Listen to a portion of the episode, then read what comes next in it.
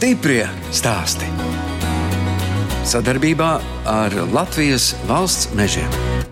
Šis uzņēmums ir mana sirds. Tas ir mans trešais bērns un milzīgs gandarījums. Un, lai kur es būtu, tad, kad es atnāku uz šejieni, tad ir miers un laiks apstājās. Es esmu bērniem pateicis, es tikai stundu aiziešu, un es atnāku vēl vakarā. Viņi jau vairs neprasa, kāpēc. Viņi saprot, jo ja es varēju savām rokām radīt sveces, kuras citiem vēl patīk. Tas man bija ļoti liels gandarījums. Bet kāpēc tad jūs vēl ņemat tos papildus darbus un strādājat kā skolotāji? Patīk darbs ar jauniešiem, un reizēm vajag paiet malā, lai paskatītos uz sevi tā objektīvāk. Man patīk tas, ko es daru. Patīk darbs ar jauniešiem, patīk kristāli, patīk biznesa. Tā saka uzņēmēja Kristīne Balta no Rundāles novada Rundāles pagasta.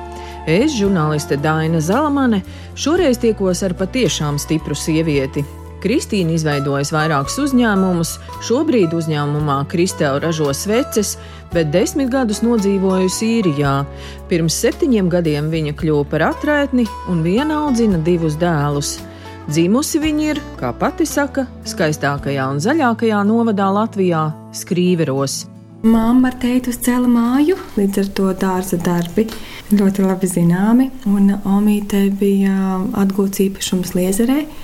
Un tad tie pārbraucieni caur tām priedēm, kalniem, uz Liezeru un atpakaļ. Un tās tādas labas atmiņas, skaistas. Jūs bijāt vienīgā meita? Jā, un ja parasti saka, ka vienīgie bērni ir izlutināti, tad es ļoti sporojos pretī, ka vienīgiem bērniem arī ir liela atbildība. Un kad visu, ko sagaida, tad gadījumā sagaida no viena bērna. Ko vecāki no jums tā gaidīja? Labas sekmes? Nē, drīzāk viņi kaut kā ļoti ticēja man. Ja man bija kāda sasnieguma, tad mamma bija ļoti grūti pārsteigt. Viņai likās, ka nu, tas tā piedienās, tas tā normāli. Viņa man teica, es būtu pārsteigta, ja tev tā nebūtu. No vienas puses, tas deva arī baigo tādu stiprumu, pamatu, ticību sev, ka es varu kaut ko. Es gāju muzikas skolā, es gan viņu nepabeidzu. Man bija ļoti mācījāties? Klavieres. Man ļoti, ļoti patīk. Es vēl joprojām spēlēju klavieres. Bērnībā man liekas, vislielākais izaicinājums bija tāds, ka es ļoti, ļoti daudz slimoju. Tad, kad es neslimoju un biju skolā, tad es darīju visu veidoju skolas avīzi, es biju pašpārvaldē, es rīkoju pasākumus, es spēlēju teātrus, dziedāju, es darīju visu, ko vien varēju darīt. Ļoti spēcīga matemātika bija, brīnišķīgi matemātikas skolotāji, un līdz ar to bija ļoti daudz, kur izpausties. Kaut gan matemātikas skolotāja jau skolas gados ieteica Kristīnai mācīties ekonomiku, viņa izmēģinājusi dažādas jomas. Pēdējā vidusskolas gadā man nomira tētis, un tad režisors, ko es gribēju mācīties, tajā gadā kultūras akadēmijā neuzņēma. Un man liekas, nu tad es turpināšu ģimenes biznesu un iešu mācīties meža saimniecību Jāgavā. Es izturēju pusgadu. Tad, kad vajadzēja visas sūnas atšķirt un augus, un latīniski, krieviski, angliski un vēl viņus zīmēt, Tā bija katastrofa. Tā nebija mana profesija. Tad bija tāda baigā mētāšanās. Es izmēģināju operu, Baznīcā es pārāk skaļi laikam dziedāju. Un tad pienāca pie maniem ierģelniece un teica, ka man tā kā vajadzētu tomēr iet uz operas klasi. Un tad es pusgadu braukāju uz Rīgu sagatavoties, lai stātos mūzikas akadēmijā. Un tad brīdī, kad bija eksāmeni, man bija angīna. Un tad bija ekonomika. Jālgavā, Latvijas Lauksaimniecības universitātē. Man patika visi priekšmeti, man patika pasniedzēji, man patika nodarbības, man patika konferences. Tik labi un interesanti, cik vien var būt. Un tad mums bija ekskursija uz fabriku, uz Auroru mēs braucām. Iejot fabrikā, man ir sajūta, ka nu, tā ir mana vieta. No Auroras iedomājas, tur droši vien troksnis, jā? Tur Protams, ada, ada, jā, troksnis milzīgs, bet arī tā kņada tāda. Tad skudru skraidīšana pa skudru pūzni. Man ļoti patika. Man liekas, nu, tas ir kaut kas. Nu, un tad, protams, vēl ekonomikas nodarbības, cik svarīgi ir celt Latvijas koproduktu un ražot tepat kaut ko uz vietas un eksportēt. Pēdējā kursā es apprecējos. Man piedāvāja arī palikt universitātē strādāt. Augstskolā būdama es lasīju lekcijas, dažas ar prieku. Un, uh, tad vīrs teica, ka vajag braukt uz ārzemēm un pelnīt naudu, lai mums būtu pašiem sava māja. Mēs aizbraucām uz īriju. Tas bija 2006. bet tā nebija mana pirmā reize īrijā. Es studēju klātienē, bet es visas vasaras un ziemas periodu strādāju īrijā. Strādāju šokolādes fabrikā saistībā ar mārketingu. Un arī tā, kā mēs ar Jāni pārvācāmies uz īrijas, arī strādāju eh, viena liela farmācijas kompānija, kuras vadīja projektus starptautiskā mērogā, un otrs darbs bija bankā. Es strādāju ar tieši biznesa klientiem. Man vienmēr ir bijuši ārzemēs labi darbi, ar tādu labu algu, ar stabilu dzīvi, un vienmēr gribējies uz Latviju. Mēs atbraucām uz Latviju atvaļinājumā, vasarā, Un tad Jānis atklāja vēzi. Tas bija atkal momentāls tāds notikums, kad eh, sajauc visu ar kājām gaisā. Ko nozīmē nejauši atklāja? Viņam ļoti sāpēja galva, un vairākus gadus ārsti nevarēja pateikt diagnozi. Un viņam arī vēzis bija aizdegunē, kur ir ļoti grūti atrast. Un atrada tikai tad, kad jau bija trešā stadija, kad neko nevar izdarīt vairāk. Un tas tāds ļoti smags laiks bija. Jo īpaši mums bija mazi bērni, Jurim tad bija pusgadiņš un Hugo bija trīs gadi, un nekas cits neatlika, kā uztaisīt biznesu. Tad mēs uztaisījām bērnu preču veikalu Jāgavā. Ratiņa, bērnu drēbītes un uh, viss, kas vien var būt priekš jaundzimušā. Un līdz kaut kādiem pieciem gadiņiem laikam. Tad, kad sākās Jānam sliktāk, kad nācās, teiksim, veikalu aiztaisīt ciet, tāpēc, ka man jāskrien uz slimnīcu, mēs to veikalu pārdevām. Un arī tas, ka mums ļoti, ļoti vajadzēja naudu. It kā jau medicīna bezmaksas, bet tomēr mēs maksājam. Tad es dabūju vēlreiz braukt uz ārzemēm, un atkal, protams, es izvēlējos to pašu īriju, jo tas jau ir zināms kaut kas. Mēs pārdevām visu, kas mums bija, bet pietrūka naudas, un vajadzēja nopelnīt, un turklāt divi ļoti mazi bērni, un Jānis ļoti sāpēja galva pie katra trokšņa. Un bērnus var nokušināt mazu brīdi. Tas bija smagi. Un mēs braucām atkal atpakaļ, un tad atkal man palēmējās, un es dabūju ļoti labu darbu. Man no turienes jau sauca strādāt. Jānis palika Latvijā. Jā, Jo Jānis ir arī ģimene, viņam ir vecāki, māsa un brālis. Un nebija tik vienkārši pierunāta, ka mums būtu jāārstējas ārzemēs. Arī Jānis, man liekas, pašam bija mazliet bail no tā, ka likās, nu, ja sava vieta, sava valoda, tad ir vieglāk saprast, kas ar tevi notiek. Un tajā laikā, kad es biju vēlreiz atpakaļ īrijā, tad es pat strādāju par tūku slimnīcās. Tieši vēža slimniekiem gāju latviešiem, kuriem ir vēzis līdzi uz slimnīcu un tūkoju. Tad septembrī Jānis nomira, un es sapratu, ka nu, man ir līdz pavasarim laiks, lai es varētu atgriezties Latvijā. Tad jau Hugo būtu jāiet pirmajā klasē, un tā mēs pārvācāmies atpakaļ uz Latviju. Un tad nevarējām saprast, kur mums dzīvot, jo tā kā gribējās māmas mājās skrīveros, Jāgavā jau vairs negribējās. Un tad dažādu apstākļu sakratību dēļ pavisam netīšām nonācām Rundālē. Bet tas jūs nebiedēja, ka jūs tur nevienu nepazināt? Laikam nē. Tanī brīdī galvenais, lai bērniem būtu labi. Un uh, Bauskā man dzīvo mammas vīrs un vīra māte. Un, uh, gribējās savu vietu, tomēr nevis pie vecākiem. Un atradām šeit dzīvokli, kas likās pietiekoši plašs, pietiekoši ērts, tepat blakus skola. Tas mans pirmais brauciens uz Rundāli bija, kad es braucu uz ciematu. Un braucu garām Rundāles pilī, vienā pusē ir gulbi peld, un tad vēl zirgi ganījās. Man liekas, kā var būt tāda pasaules vieta vispār, kad ir skaisti. Stiprie stāsti.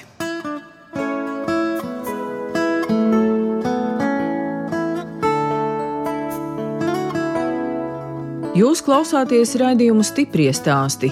Šoreiz ciemojos Rundāles novada Rundāles pagastā pie uzņēmuma Kristela īpašnieces un valdes priekšsēdētājas Kristīnas Baltas. Pirms trīs gadiem viņa sāka ražot sveces un sāka, kā daudzi, sava dzīvokļa virtuvē. Tas tiešām sākās manā virtuvē. Un tad ir kaimiņiene, kura nāk pie maniem uz kafiju. Tad viņa katru rītu nāca paskatīties, ko es nakti esmu uztaisījusi. Ko tas par nakti? Bērni mazi? Jā, bērni, ikdienas darbi. Īpaši sākumā, kad ir jākoncentrējas, ka es mēģinu vispār pati kaut ko vēl iemācīties, tad vajag tādu absolūtu mieru. Man vispār naktīs patīk strādāt. Savu biznesu vienmēr ir gribējies, un tas nav mans pirmais bizness. Māmai palīdzēja uztaisīt šokolādes ražotni īrijā. Tad bija mūsu veikals Jāgavā. Bērnu preces. Jā, tad es gatavoju ziepes un vanas bumbas īrijā. Bankā, kas strādā, tad es sestdienās, svētdienās braukāju pa tirdziņiem. Nu, tagad ir sveces. Var teikt, pa maziem, maziem krikumiņiem ir izaudzis kaut kas lielāks. Kad Jānis bija slims, kad jau tajā laikā mēs gājām uz baznīcu, un tur bija tie vārdi, ka tavs roku darbs būs svētīts. Un Man nekad mūžā nekas nav sanācis rokā. Un sākās ar sveciem ar to domu, ka tas būtu skaisti, tas nestu gaismu, Un sākumā ražoju parafīnas veces. Tad likās, ka vairāk informācijas vajag atkal vajag mācīties. Un atradu informāciju, ka parafīns ir karcogēns. Nu, pēc Jāņa nāves viss, kas bija karcogēns, man likās, viss ir slikts un nevajadzīgs. Un man nevajag, un īpaši mājās, mēs taisījām sveces mājās, manā virtuvē. Un es atradu bāzē, kad ir palmu vasks. Viņi man teica, ka ir ļoti labs, lai es noteikti nopērku. Atvedu mājās, tikai sabojāju formas un nekas nesanāca. Un es viņiem zvanu atpakaļ, un es saku, es neprotu strādāt, ko man ar viņu darīt, vai viņi negrib ņemt atpakaļ. Un viņi man saka, nē, mums firma bankrotē, mēs neko vairs atpakaļ neņemam. Tie ir tie divi maisi, kas mums jau vairākus gadus stāv. Ziniet, mēs paši nezinām, ko ar viņu īsti darīt. Nu, un tad es paliku tā ar 100 kg vaska, ar kuru es neprotu strādāt un nezinu, ko darīt. Un tad es atradu Austrālijā firmu, kas caur internetu mācīja. Palmu eļļa, tad, kad viņu smidzina un apstrādā ar augstumu, ar augstu temperatūru, viņa kristalizējas un iegūst šo vaska nokrāsu. Konsistence viņam kā milti, ir kā manas putrēmiņa. Tad, kad viņu pārkausē, lai iegūtu šo vasku un varētu taisīt sveces. Trīs gadu laikā uzņēmums ir izaudzis, tajā ikdienā strādā 3 līdz 4 darbinieki, pirms Ziemassvētkiem vēl vairāk.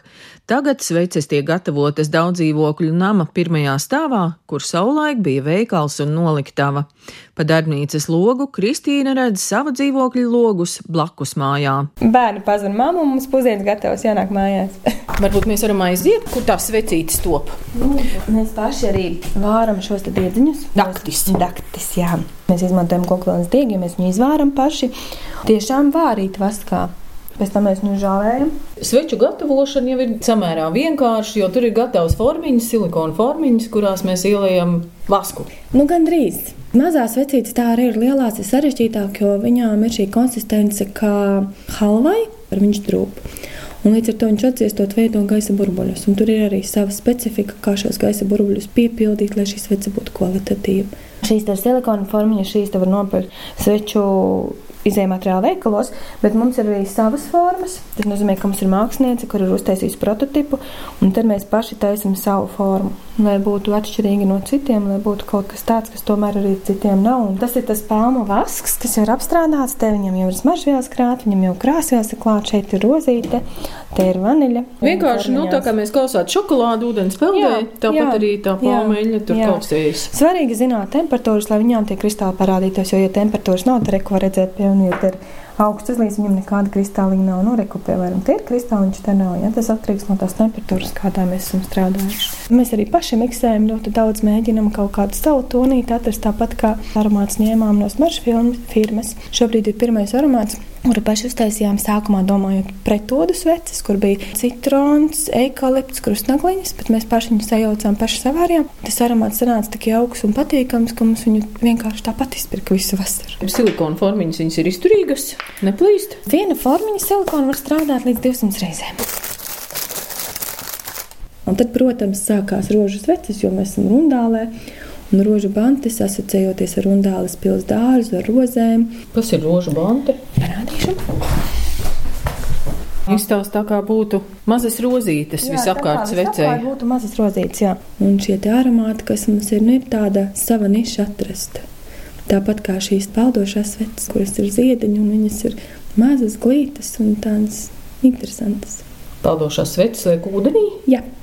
Šīs te puķītes, tie ir peldošie ziediņi, viņiem tā forma ir koniskāka, līdz ar to viņi var būt un tās lapiņas tā kā uz augšu, jā, lai viņiem tā tīri fizikas dēļ, viņi var arī būt ūdentiņā, jo vilnīgs viņu tā kā iešūpa iznēsā, un tad līdz ar to viņš arī tāds, tās arī mums ļoti daudz uz kāzām pērk, gan Anglija, gan Amerika. Tie ir tie eksporta produkti, rožu bantas un puķītes, kas mums ļoti daudz pārdodas. Kas te vēl ir? Tās ir vienkāršas veces burciņās.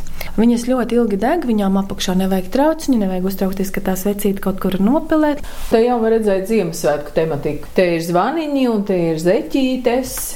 Un kas jums šeit ir? Šeit ir klasika. Tur ir tādas tā kā tās antēnās veces tikai kastītē klasiski robustas, bet tā pašā laikā viņas tā kā lukturītes arī iztek skaisti. Bet šīs sveces tiešām ir roku darbs. Nu, pilnīgi. Darba nevarētu. Pilnīgi noteikti nevarētu bez roku darba. Nē, jo katrs vecīt, lieksim, lai to mazo ziediņu uztaisītu, tas nav tikai process viņu izņemt no formas.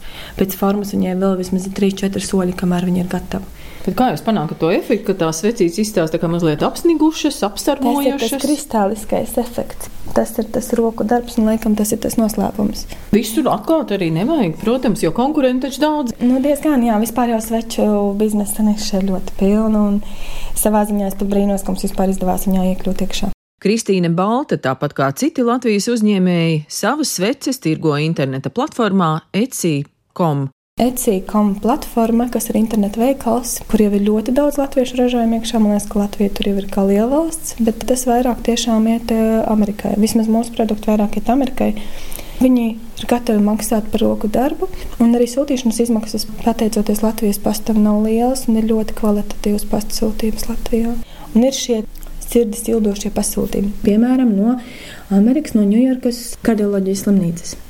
Sirsnīgs vecīts viņa pasūtīja, un es nevarēju saprast, vai viņa dāvinās saviem pacientiem vai darbiniekiem. Un tad ir bijis tā, ka pasūta uz Ameriku arī diezgan liela daudzuma sirsniņu, lai bildinātu meiteni, puisis pasūtīja. Un arī pakoja tās sirsniņas un domāja, kā viņš viņus visu reizi aicinās tādu daudzumu. Un tad bērniem mācījām geogrāfiju, kad eh, katrs pasūtījums, kas mums sākumā atnāca, nu, kad viņi bija mazāki, tad mēs gājām Google Maps un skatīties uz kādu māju tās veces brauks. Jūs piedalījāties arī konkursā, jā, un dabūjāt finansējumu no pašvaldības. Jā, tā bija. Pirmais un vienīgais projekts, kurā es jebkad esmu piedalījies, tas prasīja trīs gadu plānu.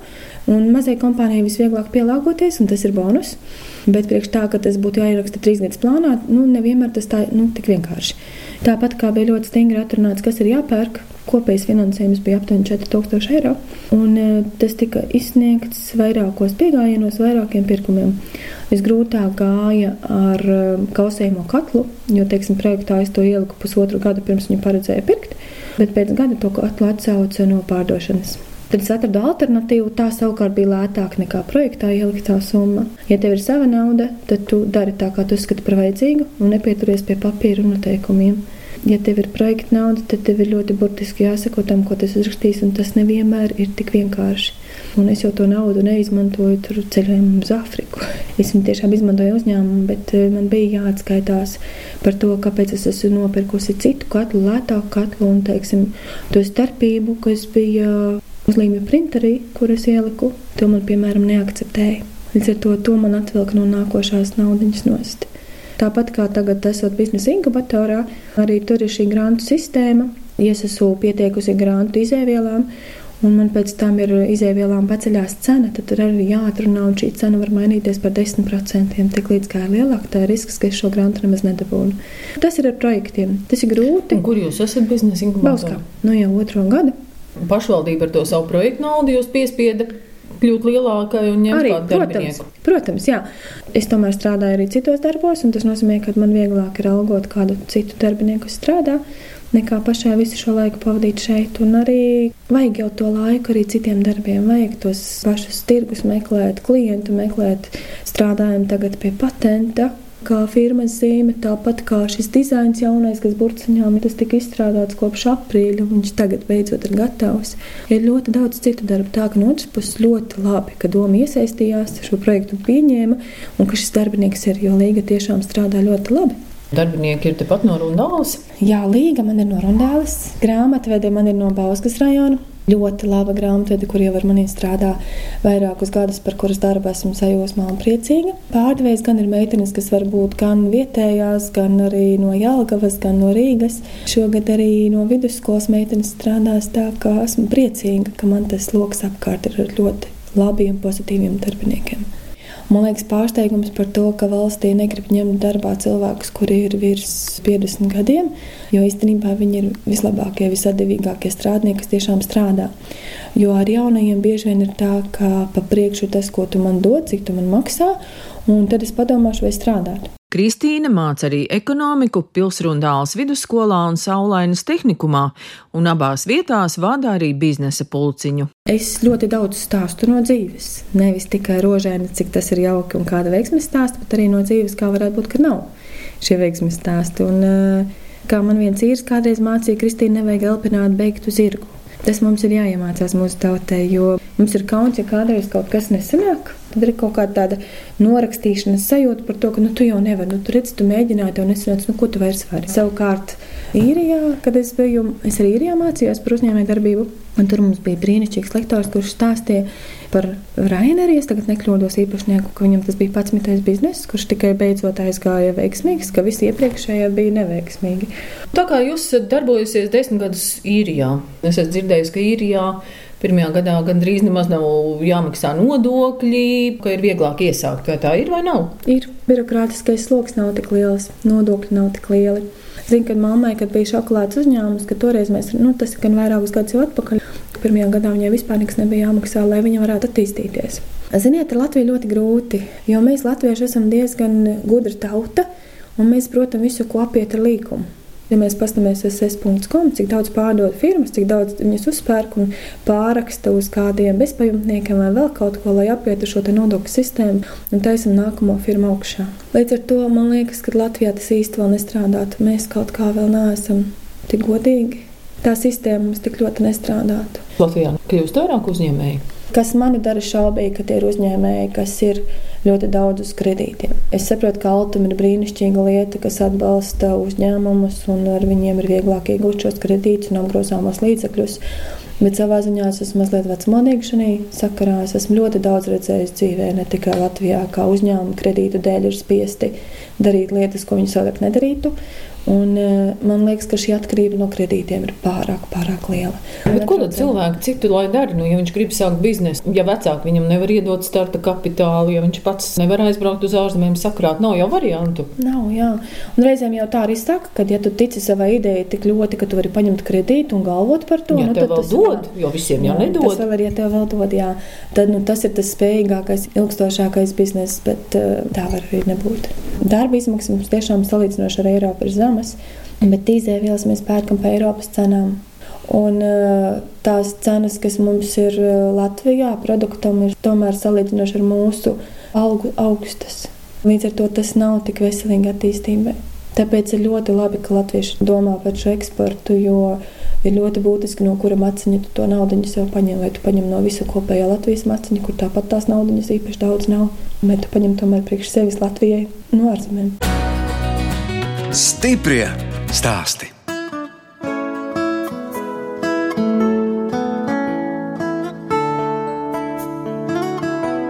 Skan raidījums stipri stāsti. Šoreiz ciemojos Rundālas novada Rundālas pagastā pie uzņēmējas un sveču ražotājas Kristīnas Baltas. Viņai ir divi dēli, Hugo un Juris. Hugo ir 12 gadi un Jurim ir 9. Ļoti, ļoti dažādi bērni. Es jau reizēm smējos, ka viena vecāka, vienāda audzināšana, bet bērni tik dažādi. Hugo ļoti interesējas par biznesu. Viņam arī pašam bija savs mācību uzņēmums pagājušajā gadā ar labiem panākumiem. Ko tad viņš gatavoja? Viņš gatavoja vannu šampanieti vannā izbārstāms un tad sēž. Jā, viņš arī bija pavasara tirdziņš Dominā skolēnu mācību uzņēmumiem. Rīgā. Rīgā, jā, un tur bija tas biznesa piču konkurss, kurā viņš uzvarēja. Puika, kas ļoti azartiski prot pārdot, es viņu reizēm ņem arī svecītas tirgot. Viņam pašam patīk, man rībjās tirgot atšķirībā no viņa. Es labprāt visiem dāvinu, bet viņš tiešām pārdod. Un, un Juris savukārt ir tāds. Um, medicīniskais tips. Viņš interesēs par šūnām, un protoniem un neitroniem. Biologs, fiziķis. Aptuveni, jā, es no tā neko daudz nesaprotu, bet viņš saprot un stāsta. Un arī viņš ļoti daudz mācās angļu valodā no YouTube zinātniskiem kanāliem. Viņiem ir jāņem vērā, ka mamma daudz strādā. Un līdz ar to par to laiku, kad mēs esam kopā ģimenei, trietā, tad vismaz to mēs cenšamies pavadīt labi. Tad mēs spēlējam spēles, un es tiešām piedomāju pie tā, ka mums varētu pastīties kopā kādu filmu, palasīt kopā kādu grāmatu, vai kopīgi pazīmēt, lai būtu šis kopīgs laiks. Jo es esmu ļoti daudz prom no mājām, un viņiem nākas diezgan daudz darīt pašiem. Dēliem pietrūkst tēvs? Ļoti. Ir bijuši pārmetumi, kad nu, es neesmu atradusi kādu citu tēti. Viņi būtu gatavi pieņemt? Viņi noteikti būtu gatavi pieņemt daudz vairāk varbūt, nekā es pati, godīgi runājot. Jo ar Juri, man liekas, ka bija dažs mēnešus atpakaļ, mēs sēdējām, un viņš man saka, mam, nu, Tu jau arī nemeklē, nu, ieej Facebookā, pasties brīvs vīrietis. un tad vēl kaut kad bija saruna, kad arī, man liekas, Juris bija tas, kas teica, ka bērnu nam ir, kur var aiziet paņemt bērniņu. Nu, bet nav tādu nami, nu, vientuļiem vecākiem, ka tu var aiziet tēti paņemt. Viņi būtu gatavi pieņemt, jā. Vīrs saslima, un tas notika tā pēkšņi, un jūs braucāt tur uz īriju strādāt. Jums pašai nebija tāda sajūta, ka tā dzīve jums nodarījusi pāri, ka jūs to nesat pelnījusi. Bija nu, kā es apprecējos ar domu, ka vienreiz un uz mūžu. Es biju pārliecināta, ka man būs māja, ka man būs vīrs, ka man būs daudz bērnu, ka mēs visi dzīvosim ilgi un laimīgi. Un, un tad, kad tas viss sabruka, kad Jānis Nomer bija man 33 gadi, tas bija tik uh, sāpīgi un tik nepieņemami, grūti samierināties bija ļoti. Bet arī, ziniet, tajā brīdī bērni bija mazi. Jurim bija divi gadi un Hugo četri, kad teica nomira. Nav jau iespēju skumt un baigi raudāt, jo ir bērni, par kuriem ir jārūpējas. Bērni varbūt pat palīdz. Un kā vēl atkal no bērniem atceros, kad Juris man stāv un saka, redz, kā tēti apraka puķu dobi, nu, ka tur tagad viss tā smaršo, tētis ar smaršos. Bet, nu, tagad esam kaut kā, man liekas, samierinājušies, jau iedzīvojušies. Nu, nav jau citu variantu. Nav gan.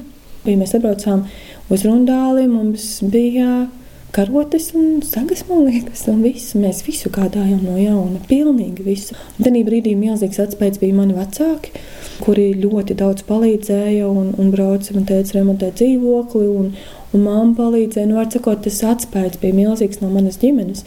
Jūs stāstījāt, ka jūs tur ar bērniem laiku kopā pavadat, jūs kaut kur arī kopā aizbraucat? Jā, mums ir tradīcija katru gadu braukt uz Londonu uz vienu dienu. Tas ir ekspresa ceļojums. Bet tad mums tas ir tāds ļoti saplānots procents. Mums ir uh, muzejs, parks un veikals. Trīs lietas, kas mums ir jāpaspēj. Zinātnes muzejs ir tas, kurā mēs pirmo gadu bijām, līdz ar to vairāk neko citu nepaspējām. Otro gadu sākām ar mazliet zinātnes muzeju un dabas muzeju. Es saprotu, veikals, ka tur droši vien nu, zēniem jau ir kaut kādas, mm. bet kāpēc parks? Tāpēc, ka parkā var pabarot vāveres. un viņas nāk ēst no rokas. Tad, kad es jautāju, ko viņi atcerās no Londonas, pirmais tomēr ir vāveres.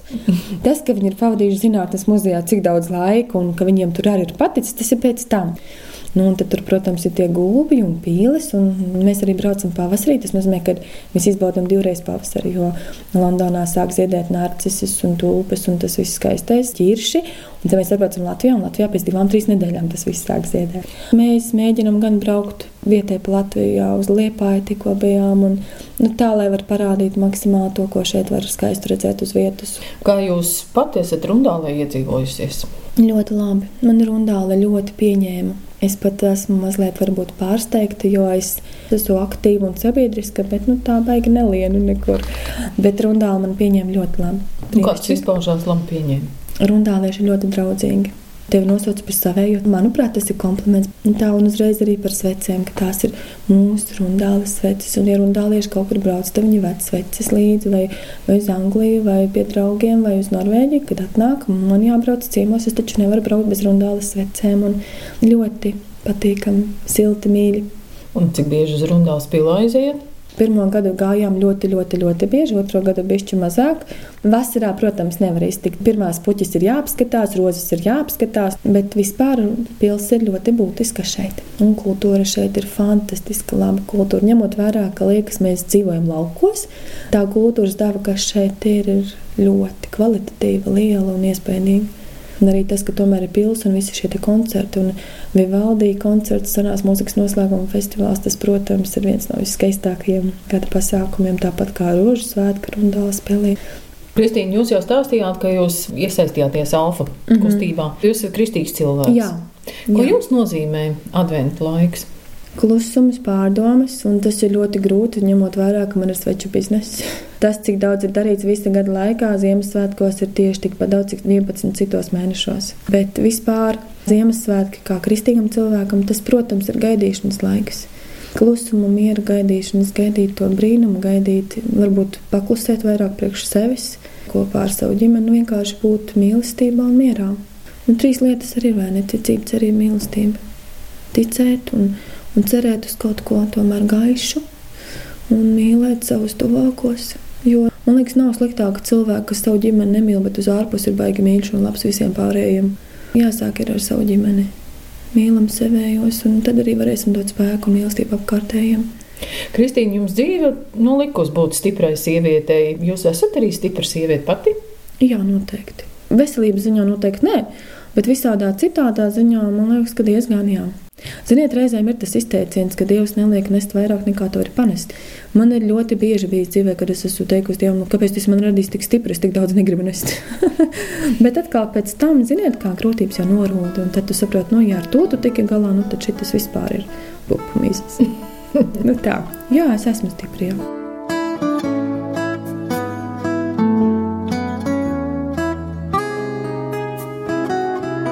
Redzījums stipri stāst izskan, un es atvados no Kristīnas Baltas, kas Rundāles novada Rundāles pagastā uzņēmumā Kristēl gatavo sveces.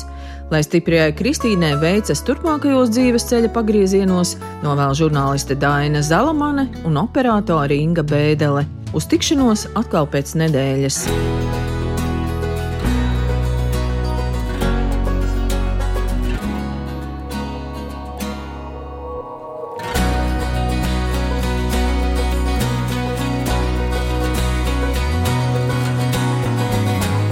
Stiprie stāsti.